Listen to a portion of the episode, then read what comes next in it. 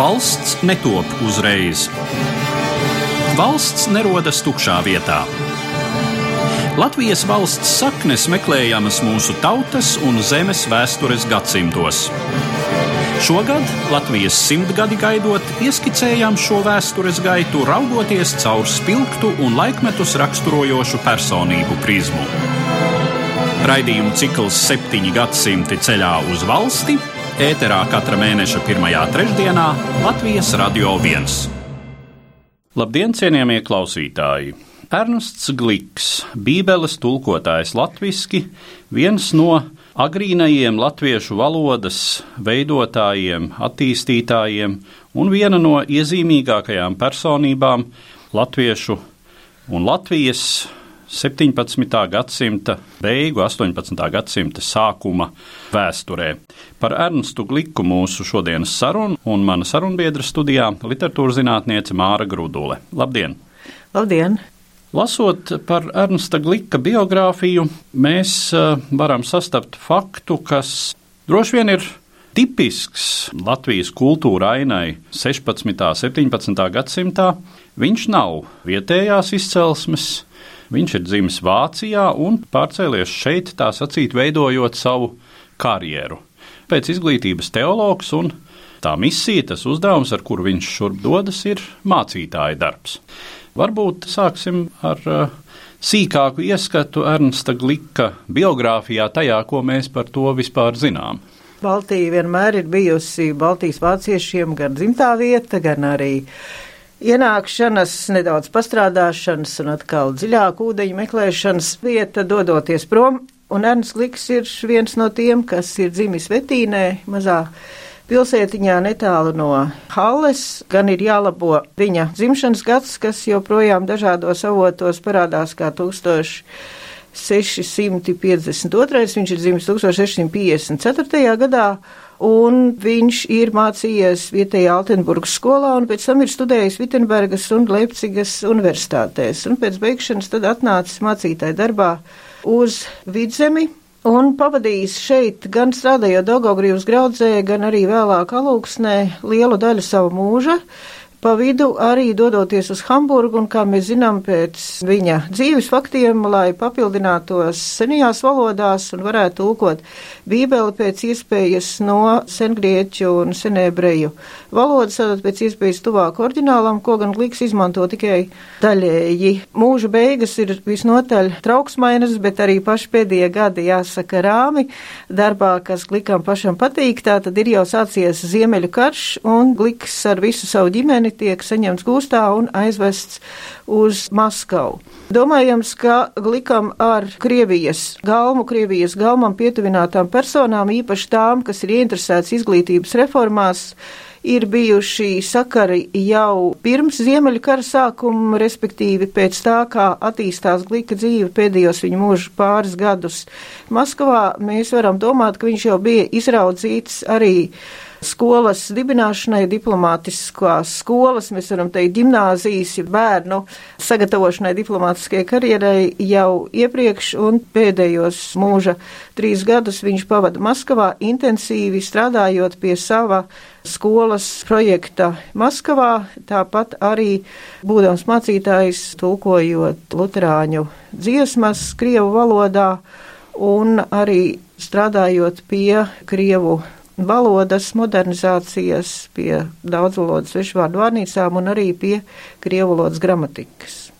Šis fakts arī interesants, jo krievu un arī baznīcas slāvu valodu, cik var noprast, viņš ir apguvis jau šeit, Baltijā būdams, un laikam ar to arī kļuvis interesants tā brīža Krievijas varas nesējiem, jo mēs zinām šo vispārējo Pētera pirmā politiku censties iepludināt, gan aicinot, gan, nu, šajā gadījumā, es saprotu, tiek piesaukts tas apzīmējums gūsteknis, bet tā ir bijusi tāda vairāk vai mazāk brīvprātīgi piespiedu kārtā došanās uz Maskavu. Tātad Pētera vēlēšanās pulcināt Maskavā Eiropas ļaudis, dažādu profesiju, bet cilvēkus, kas varētu mainīt tā brīža Krievijas vidi, un acīm redzot, arī Gliks ir nonācis šajā kategorijā.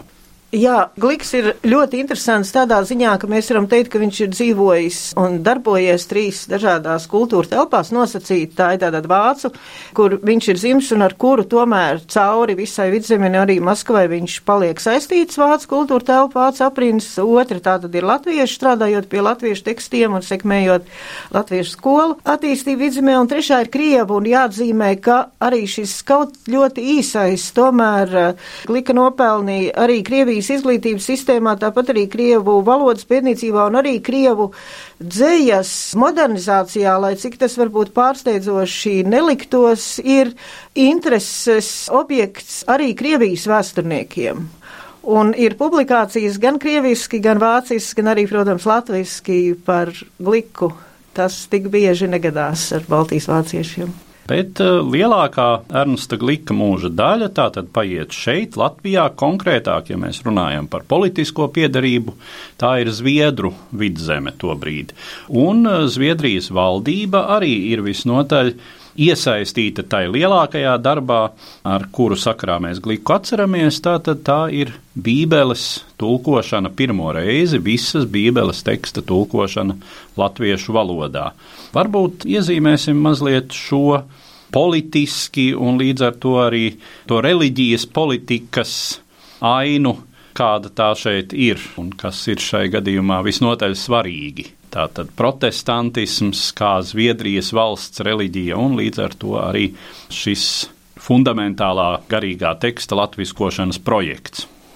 Jā, jāatzīmē, ka Bībeles tulkošanai latviešu valodā ir divi ļoti būtiski iemesli. Viens ir tas, kas notiek Vācu protestantiskajā telpā kopumā, un tātad tas ir saistīts ar pietisma ideju izplatīšanos un domāšanu par to, kā Bībeles patiesības un reliģija darīja tuvāks un vieglāk saprotams ik katram ticīgajam, un strādājot pie viņa izglītošanas un arī tekstu tulkošanas, tas ir viens, un, protams, ka ļoti būtiski nozīme ir arī tam, ka vidzeme tobrīd atrodas Zviedrijas lielvalsts sastāvā un arī Zviedrijas lielvalsts politiku raksturo vēlme apkopot visas lielās Zviedrijas teritorijas, kuras ir protestantiskas, arī vienā baznīcā.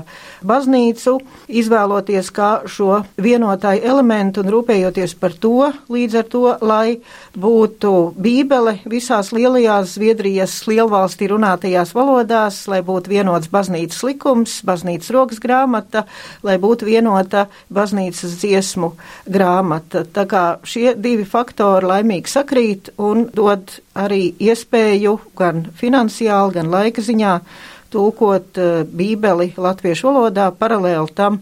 Bībeli tiek tulkot arī igauniski, un, kā mēs zinām, arī somu valodā parādās jauns revidēts Bībeles tulkojums, kas viss sakrīt ar Zviedrijas lielās politiku.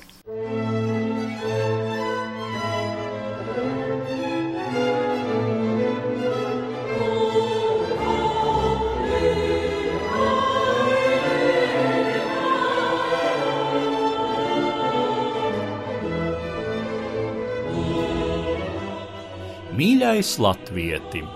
Šī grāmata, ko tu šeit redzi, ir tas jauns testaments mūsu Kunga Jēzus Kristus, jeb Dieva svētītais vārds, kas pēc tā Kunga Jēzus Kristus piedzimšanas no tiem svētiem priecas mācītājiem un apstuļiem uzrakstīts ir. No tā būs tev to zināt, ka tie pirmie cilvēki, Ādams un Ieva, grēkos krituši un tā to mūžīgu pazušanu nopelnījuši bija. Ir tas lēnīgais dievs no savas bezdibenīgās žēlastības tiem grēkos iekritušiem cilvēkiem, to dārgu apsolīšanu devis, ka tiem no grēkiem un mūžīgas pazušanas caur vienu vidutāju un pestītāju atkal bija izpestītiem, un tai viltīgai vēla valstībai un varai izpostītai tapt. Kas šo grāmatu rakstījuši? Ne ir eņģeļi, bet cilvēki bijuši, kuriem tas svēts gars, ko tiem bija rakstīti iedevis, tos arī rakstot vadījis, ka tie iekš mācīšanas nevarēja aloties. Celies nu, topi gaišs, jo tavs gaišums nāk, un tā kunga godība uzlec pār tevi. Nepaliec ilgāk iekš tās pirmais neziņas, bet pateici dievam no sirds, ka viņš arī tev savu vārdu tavā valodā devis lasīt. Lūdz viņu par viņa svētu garu, kas tev apgaismo, un esi tam lēnīgam dievam par viņa žēlastību no sirds pateicīgs. No Ernsta Glika priekšvārda jaunās derības izdevumam datēts Rīgā 1685. gada 4. maijā.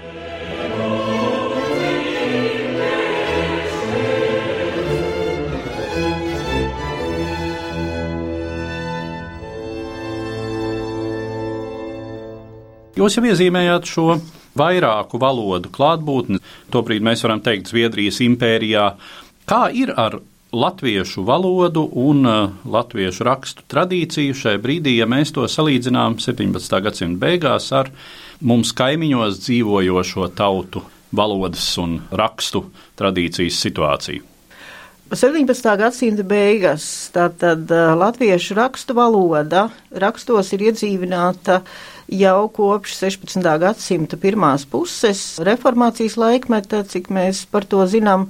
Tomēr var teikt, ka kopumā latviešu rakstu tradīcija 17. gadsimtā vēl stabilizējas, dominē, protams, Manceļa ieteiktā ortogrāfija, bet ir arī rosinājumi to vēl uzlabot, padarīt vienkāršāk, kā mēs zinām, viens no rosinātājiem Kristofors Fīrekers, savukārt Jānis Reiters domājams pēc tautības latvietis nāk ar saviem rosinājumiem. Tā kā rakstu valoda ir vēl veidošanās stadijā, bet stabilizējas. Mēs varam runāt gan par kurzems teologu, gan par vidzemes teologu viedokļu nelielām atšķirībām. Atšķirībā no Igauņu apdzīvotajām teritorijām, tātad ziemeļu un dienvidu Igauņu rakstu valodas tradīcijas veidošanos, kas arī ir sarežģīta, pakāpeniska, bet daudz lielāku iekšējo pretrunu nesaskaņu un, diemžēl, rakstu valodas pamatlicējiem mācītājiem arī nespēju vienoties par vienu rakstu tradīciju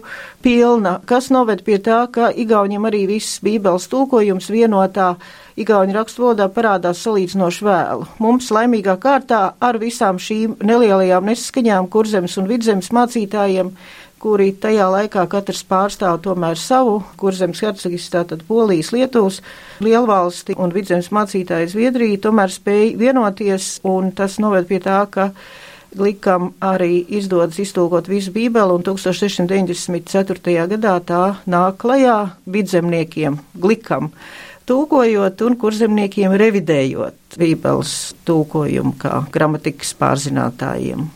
Ko mēs tajā brīdī varam teikt par latviešu valodu? Ja mēs sakām, ka mācītājiem gan Daugavas labajā, gan kreisajā krastā ir apmēram vienots priekšstats par to, kā tad latviešu būtu jāraksta, bet cik vienādi kurzemnieki un vidzemnieki tajā brīdī runā latviešu. Līdz ar to mēs droši vien varam teikt, cik tajā brīdī mēs jau varam runāt par latviešu valodu un latviešiem. Tad ir atkal jāskatās vēsturē. Reformācijas sākums ir saistīts ar Rīgu, un tīri vēsturiski latviešu rakstu valodas pamats ir vidus dialekta areāls, tātad ap Rīgu runātā valoda. Un uh, jāatzīmē, ka laikiem cauri arī tie mācītāji, kuri strādā tīri kurzems apgabalos, kā piemēram Johans Fišmans, kas ir Dundagas mācītājs, kad viņš raksta nevāc opits, viņš raksta, ka viņš tomēr labāk pārzina šo prīgu runāto valodu, tātad vidus dialektu mūsdienu dalījumā, nevis kurzemnieku dialektu iezīmes, un tāpēc viņš vairāk balstīsies šajā valodā. Un eh, tomēr arī Georgs Mansels tieši tāpat, un arī tālāk Kristofors Fīrekers un arī Reiters, un tāpat arī Gliks tomēr balstās šajā rakstradīcijā, kuras aizsākums ir Rīga, bet, protams, ka nevar noliegt, ka katram no viņiem arī viņu rakstos mēs atrodam kādas dialektālās leksikas pēdas, un tas tad ir tas viens no aspektiem, kas ir interesanti arī valodniekiem pētīšanai, tomēr ienāk arī tā lokālā valodas tradīcija nedaudz. Te faktiski būtu vietā runāt vispār par tiem faktoriem, kas šajā brīdī, nu, ja mēs runājam par 17. gadsimtu, nosaka vienotas latviešu valodas telpas veidošanos un uh, kādreizējo dialektu tuvināšanos, kam pateicoties tad izveidojas latviešu valoda. Jā, jūs pieminējāt vidus dialektu un ap Rīgu runātās izloksnes, nu tas jau ir senākas vēstures dotums, ka gan Gaujas basēnā, gan Zemgalē runā līdzīgās zemgaliskajās izloksnēs.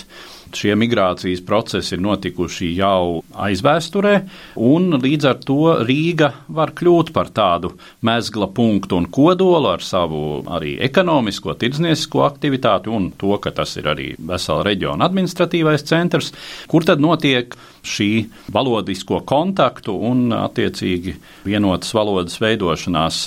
Kas tad ir tie faktori, kas pievelk klāt kursiskās izloksnes, kurzemē, arī, nu, ja mēs runājam par alūksni, kurā gliks ilgu laiku strādā. Tas jau ir augšzemnieku dialekts. Man liekas, ka tam darbam, ko dara gliks, ir diezgan izšķiroša nozīme.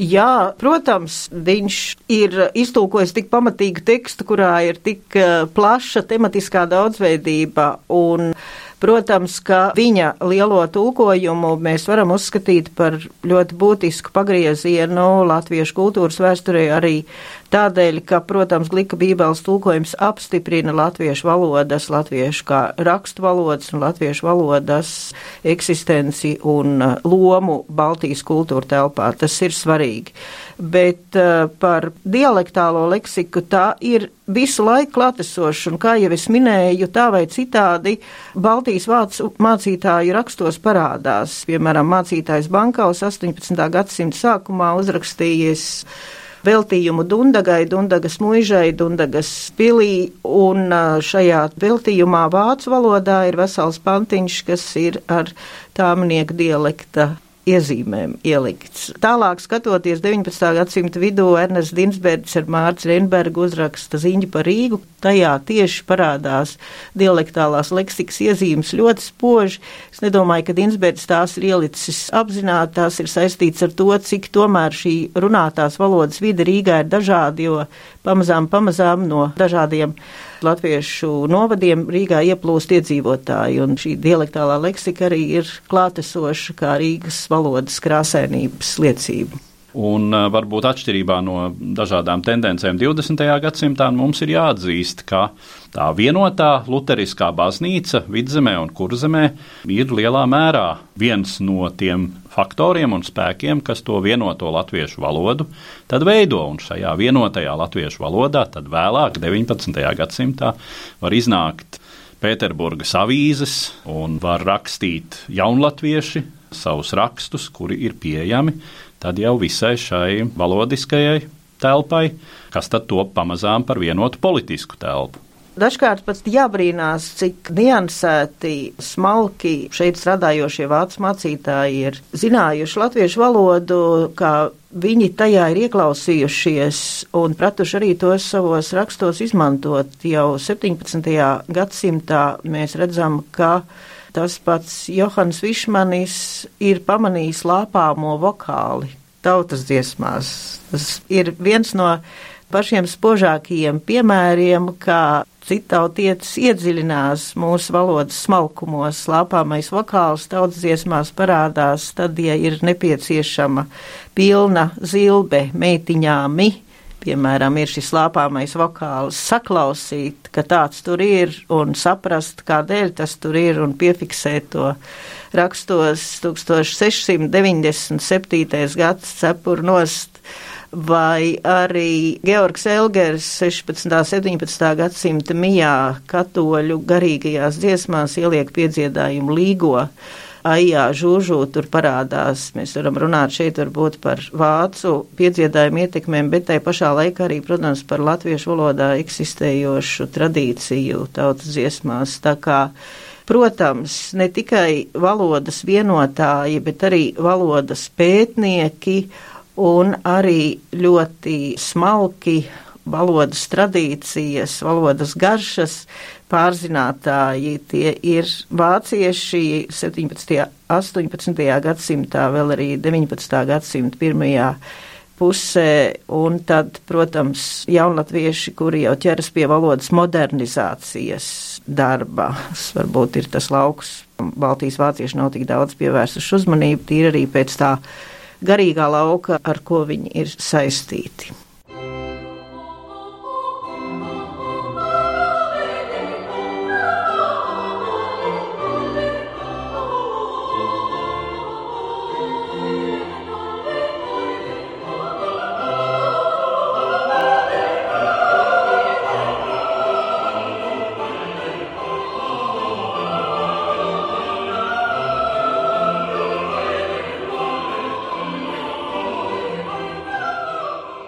Zālamana augstā dziesma, tā ceturtā nodaļa. Raugi, tu esi skaista, mana draudzene. Raugi, tu esi skaista.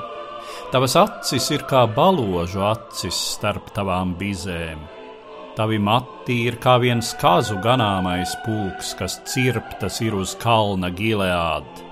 Tavi zobi ir kā tāds ganāms avju pulks, kas cirptas ir, kas no peldēšanās augšām nāk, kas visi dvīņus vadās, un neviena starp viņām ir neauglīga. Tavas lūpas ir kā sarkans auklis, un tava valoda ir mīlīga. Tavi vaigi ir kā tie čaumaļi pie viena granāta āboļa starp tavām bizēm. Tavs kakls ir kā tas Dāvida tornis, kas uztaisīts ir par ieroču uzkāršanu.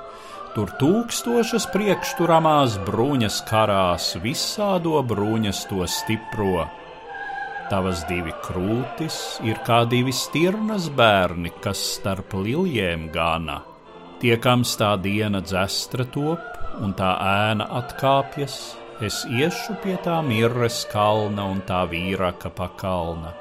Tu esi visai skaista, mana draudzene, un pie tevis nekādas vainas ir aid. Nāc ar man no tā Lībanus, mana brūte, nāc ar man no Lībanus. Skatājs no tā virsgala Amana, no tā virsgala Senīra un Ermona, no tām lauvu alām, no to leoparderu kalniem Tu esi man to sirdi atņēmusi, mana māsa, mīļā brūte. Tu esi man to sirdi atņēmusi ar vienu no savām acīm, ar vienām šķēdēm no tava kakla. No Ernsta Glika vecās derības tulkojuma.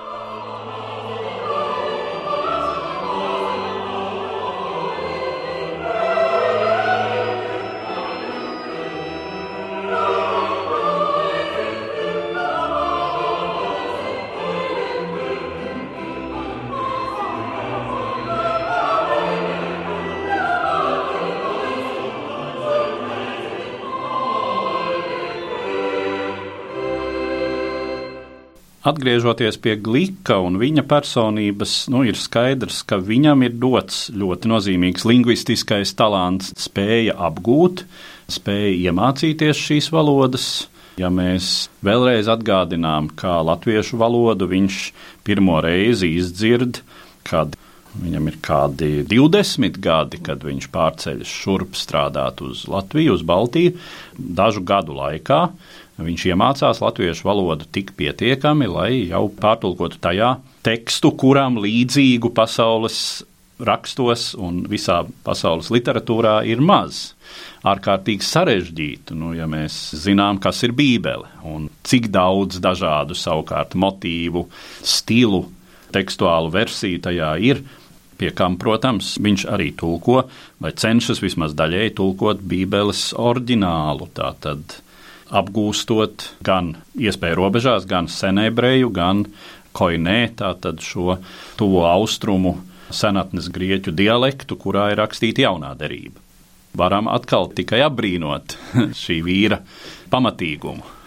Un te atkal, manuprāt, sanāk kopā vairāki faktori. Vispirms jāatcerās, ka Bībeles tulkojums, protams, netop eh, tukšā vietā, un atsevišķas Bībeles daļas jau ir uh, tulkots 16. gadsimtā un tālāk. Uh, Georgs Mancēls, tāpat arī Kristofors Vīrekers gan kaut ko pieliek klāt kādu no Bībeles daļām, gan arī uzlabot tos tulkojumus, kas ir bijuši jau pirms tam, un kā to liecina mūsdienu valodnieku pētījumi, tad Gliks ir arī balstījies šajos iepriekšējos tulkojumos. Mēs nevaram teikt, ka simtprocentīgi viņš ir Bībeli tulkojis no jauna.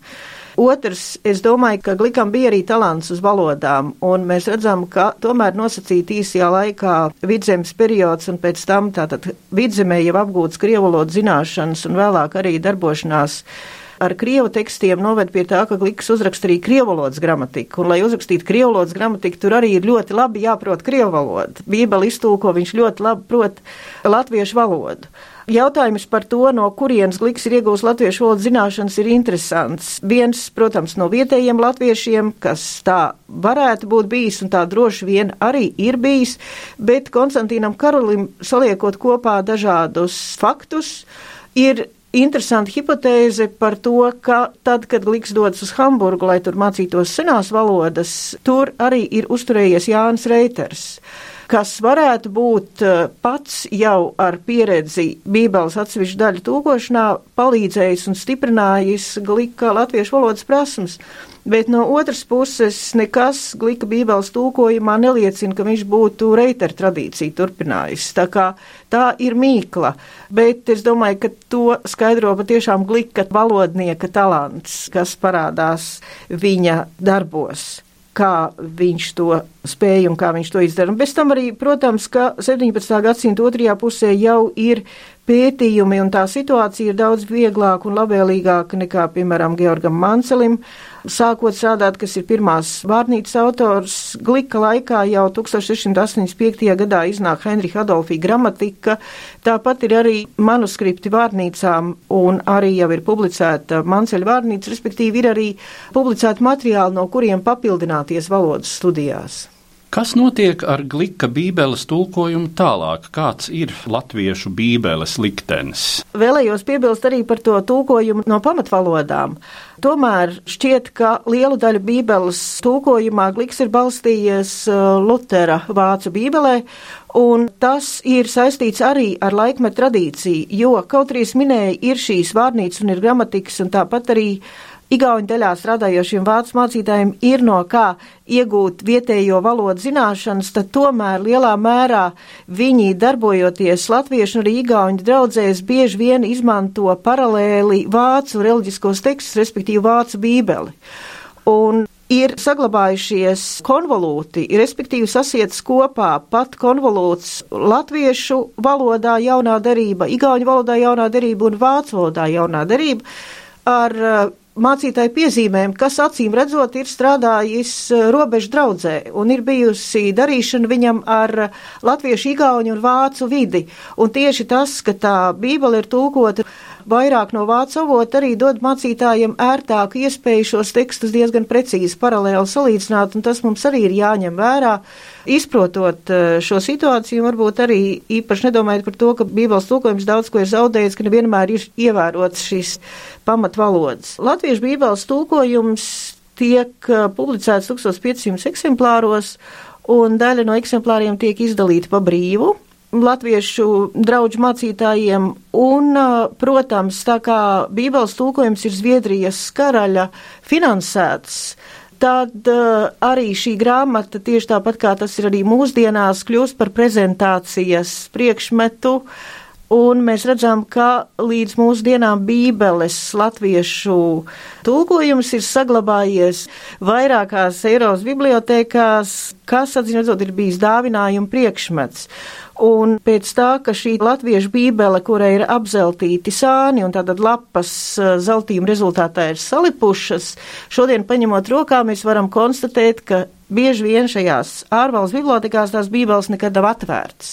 Viņas nekad neviens nav lasījis. Viņas ir tādas, kādas tur nonākušas 17. gadsimta beigās vai 18. gadsimta sākumā.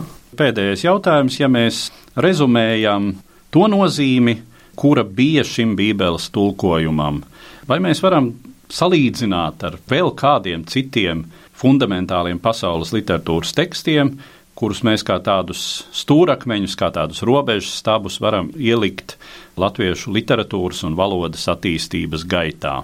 Par to, ka Bībeles tulkojums ir ļoti labs, nav šaubu nekādu, jo, kā mēs redzam, tikai mūsdienās, pavisam nosacīt nesen, Bībele tika tulkota pilnīgi no jauna, visi iepriekšīgi izdevumi no glika laika ir tikai revīzijas.